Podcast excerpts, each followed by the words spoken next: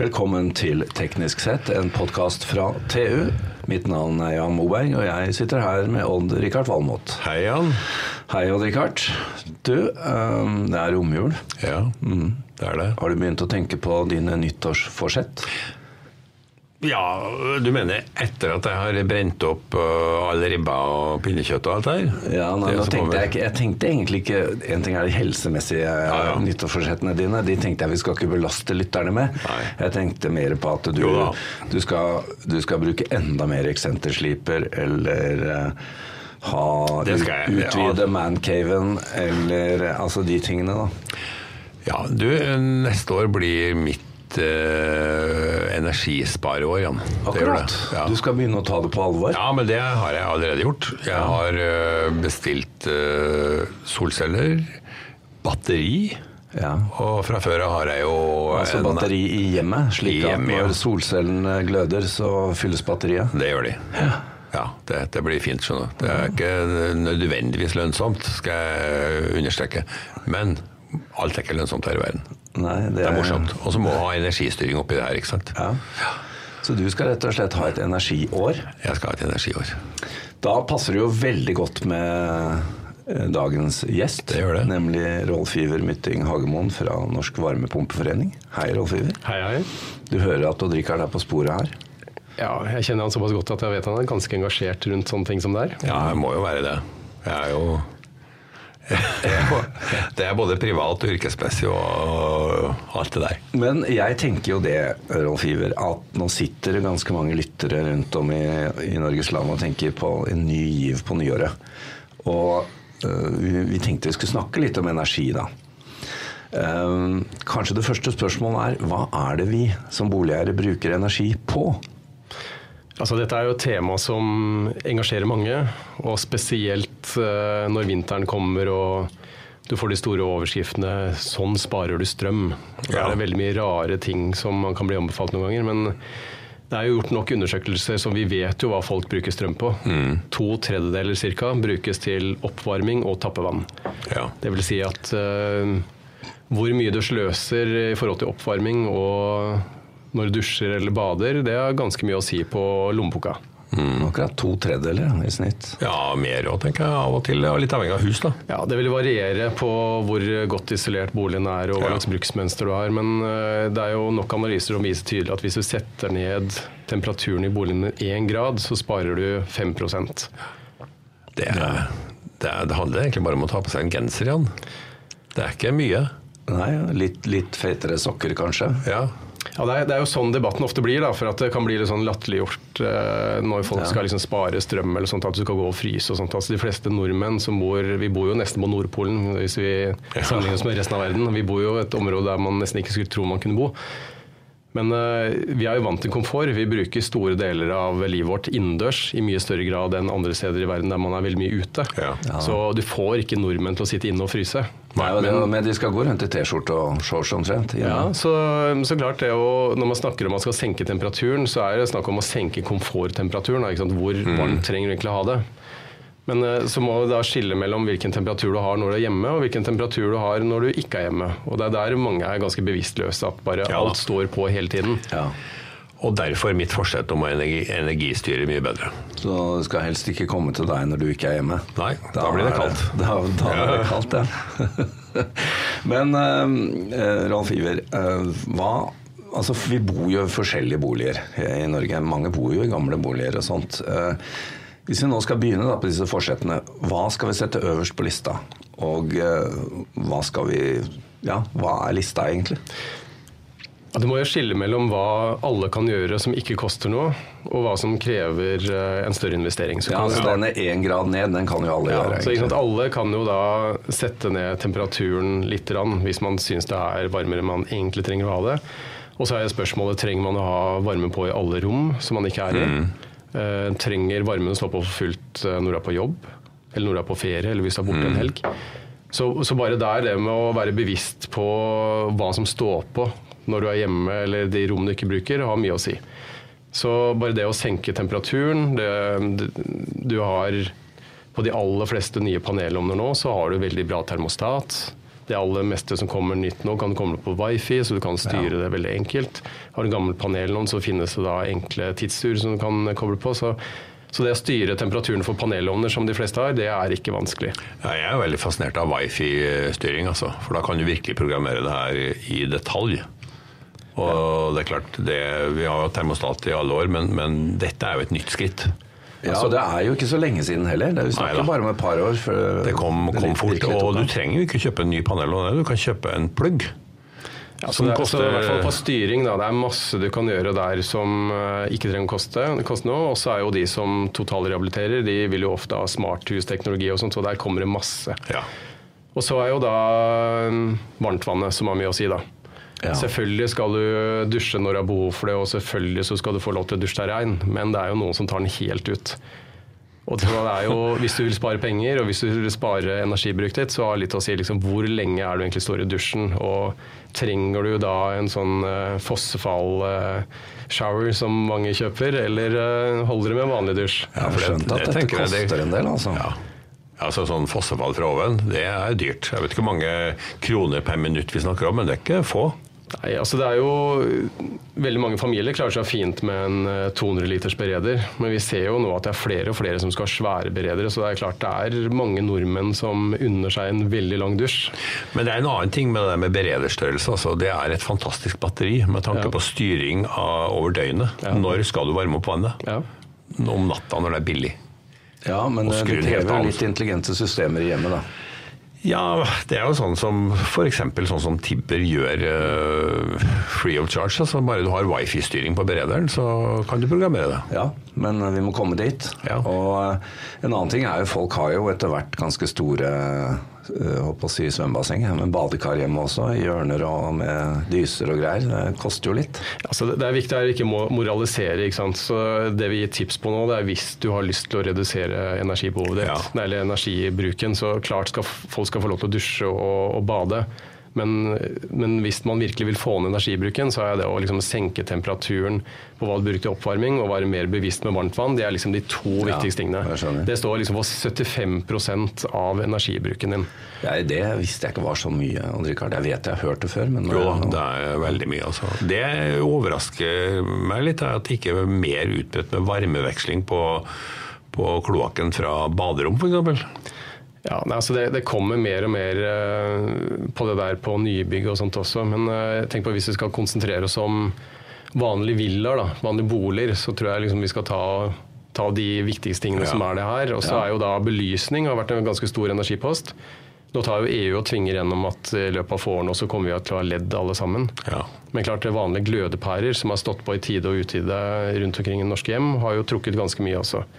Og så ser vi også en positiv utvikling gjennom energimerking. At uh, flere og flere nå når de kjøper et nytt kjøleskap eller oppvaskmaskin, eller vaskemaskin, de kjøper det som er A pluss eller A trippel pluss de er jo mye mye mer energieffektive enn eh, de som har B, f.eks. Så, ja. så det skjer en positiv utvikling der også. Så hvis du først skal kjøpe noe nytt, så sørg for ja. at du kjøper det som har mest, best energimerke.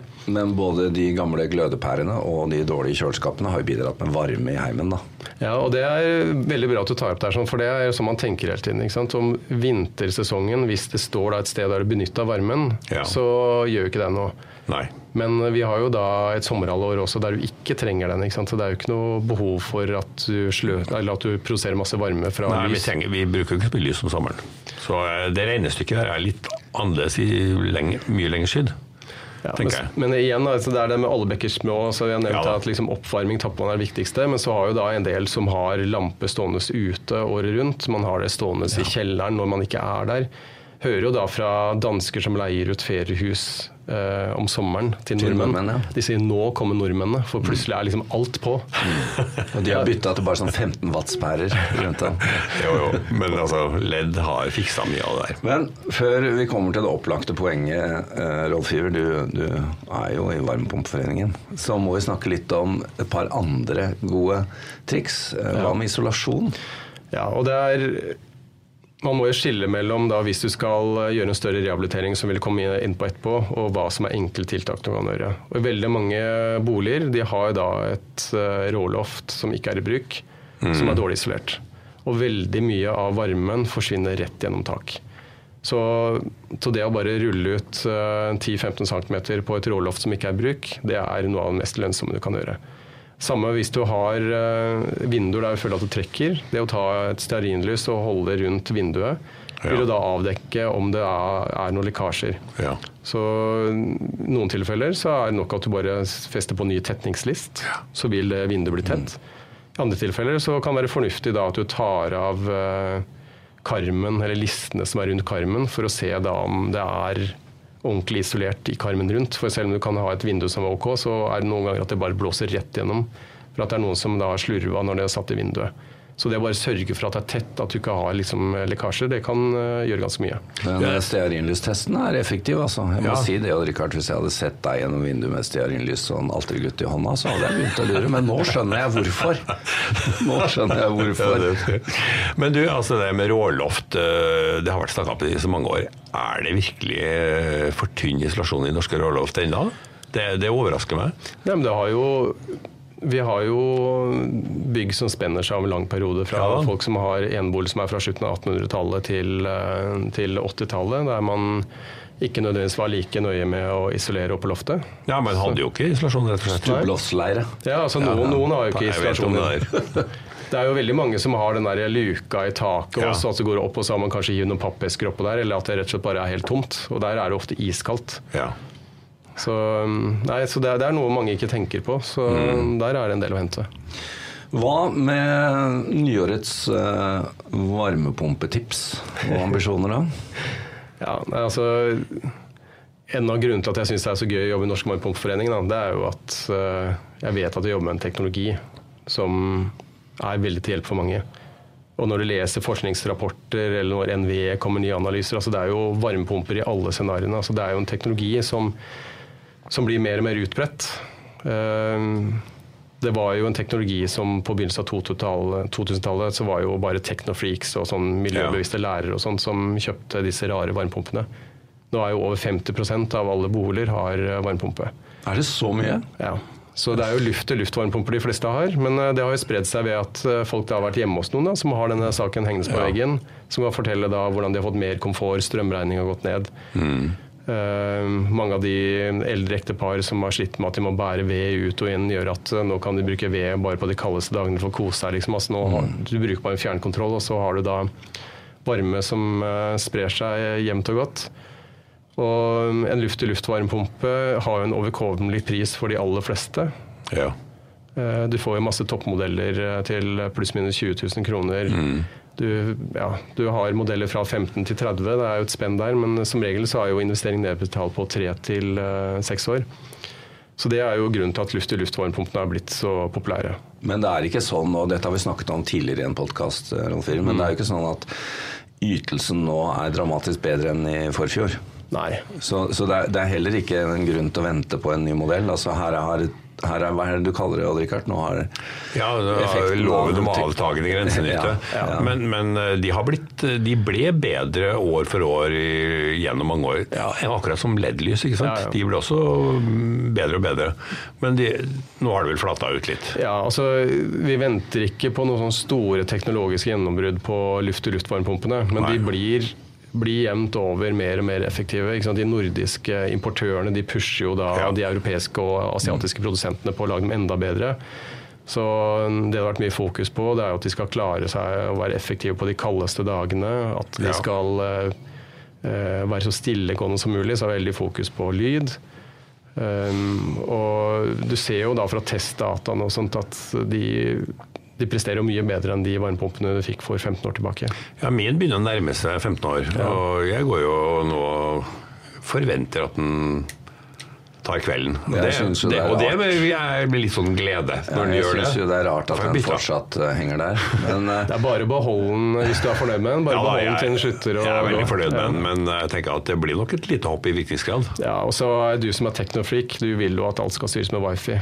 Så, de, så, din neste luft-til-luft-varmepumpe den eh, styrer med mobilen din? Selvfølgelig. Det var faktisk, faktisk litt pinlig å slippe ut på lufta, Rikard, at du er så gammel varmepumpe. jeg var tidlig ute, ja. ja, ja, ja. Det, er ikke pinlig. det betyr at du er miljøvennlig. For at har du et produkt som fungerer, så skal du ha det så lenge som mulig. Rolf Iver, du har også Berg, eh, altså bergvarme til varmepumpe. Ja, og Bergvarmepumpe har jo vært veldig populært hos de som bygger nye boliger som bygger selv. Det ser vi veldig tydelig at uh, sånn arkitekttegna boliger som tar ofte en bergvarmpumpe. Det har jo også vært uh, veldig mye valg av bergvarmpumper for de som skal skifte ut oljefyren sin. Så mm. Bergvarmpumpa har jo den høyeste investeringen, men det er jo den som gir den største besparelsen også. for at en luft-til-luft-varmepumpe den eh, vil jo da ha avtagende effekt når det begynner å bli skikkelig kaldt. Ja. Så da må du ofte ha tilleggsvarme i tillegg, mens en bergvarmepumpe den henter jo da varmen fra bakken. Samme profil hele året omtrent? Ja, det er så å si hele året. Så altså, det blir jo gradvis kaldere i bakken, men likevel det er mer enn nok energi til at uh, utetemperaturen egentlig ikke har mm. noe å si. Ja, og Hvis du bygger nytt, så kan du da koble det til vannbåren varme. Ja. Så bygger du helt fra scratch, så, så bør du ha vannbåren varme i en bolig. Det er selvfølgelig avhengig av hvor stor boligen er. Det er en sånn vurdering hele tida.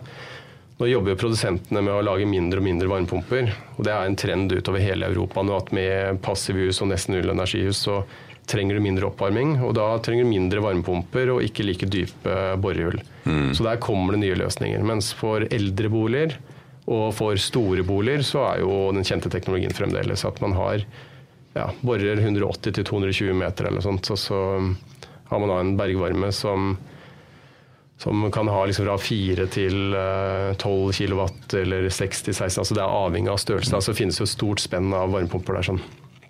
Et spørsmål. Uh, ble nysgjerrig. Uh, hvor, mye, hvor stor del av kostnaden er dette med boring, og kan et par boliger dele borehull?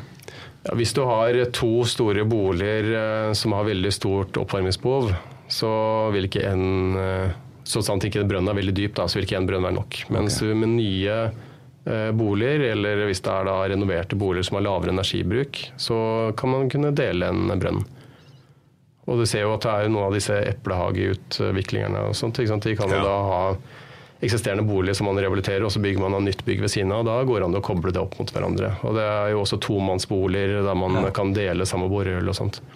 Hva koster det typisk en sånn installasjon? Nei, altså En brønn, vanlig brønn koster vanligvis mellom 80 og 100 000. Um, så man kan si at det er mye penger, men uh, den, den, er, jo der i mange, ja, den er der i mange mange, mange år. Den er jo like lenge som boligen. Mm. Veldig bra. Vi eh, avslutter med et par ord om sol, vi, Rolf Iver. Ja. Eh, jeg vil si at sol, bergvarme, etterisolasjon altså det er eh, Alle de tingene du kan gjøre som koster penger, det må jo, må knyttes til en kontekst. Altså det er jo ikke noe man bare gjør helt ut videre. Det er sånn Hvis du først har tenkt til å pusse opp boligen din, eller hvis du virkelig har lyst til å gjøre en investering, da kommer den type løsninger inn. Så Sol vil jo komme for fullt. Vi ser jo at prisene faller. Ehm, prisen på panelene seg selv er man usikker på hvor mye det skal falle, men det som blir neste nå, det er jo at taktekkere, elektrikere og andre på en måte klarer å få ned installasjonskostnaden. Så hvis du først skal skifte tak, f.eks., og du da finner en takdekker som er god på sol, mm. så er det ikke sikkert at merkostnaden er så stor. Og nå kommer jo mer og mer bygningsintegrert etter hvert også, så vi vil nok se mer og mer eh, sol framover. Ja, for det er installasjonen som koster penger, ikke panelene som sådan. De er, de er den billigste biten. Ja. Så er jo, og så må du da se nytteverdien. altså det å, Hvis du først skal gjøre en større rehabilitering, så det å skifte vinduer, det å etterisolere, det gir en god effekt gjennom hele året. Mm. Samme hvis du investerer i en luft-til-vann-varmepumpe eller bergvarme. Det gir en god besparelse gjennom hele året. Mens solceller gir jo ikke en besparelsen i januar til mars, men kan gi store besparelser resten av året. Så mm. det er mm. liksom at du er bevisst på hva du skal bruke det til. Mm. Du ser jo mange av de som har gjort investeringer, er jo kjempefornøyd. Ja, vi ser det. Det håper vi Odd-Rikard blir også. Jeg er helt sikker på at Det blir det, Jan. Det er bare å suge til seg og sette opp, uh, lytteren får sette opp sin egen liste over nyttårsforsettene. Vi sier takk til Rolf Iver Mytting Hagemoen, til Odd-Rikard og til vår produsent Eivind Limstrand. Bare å ønske godt nyttår. Godt nyttår. Godt nyttår.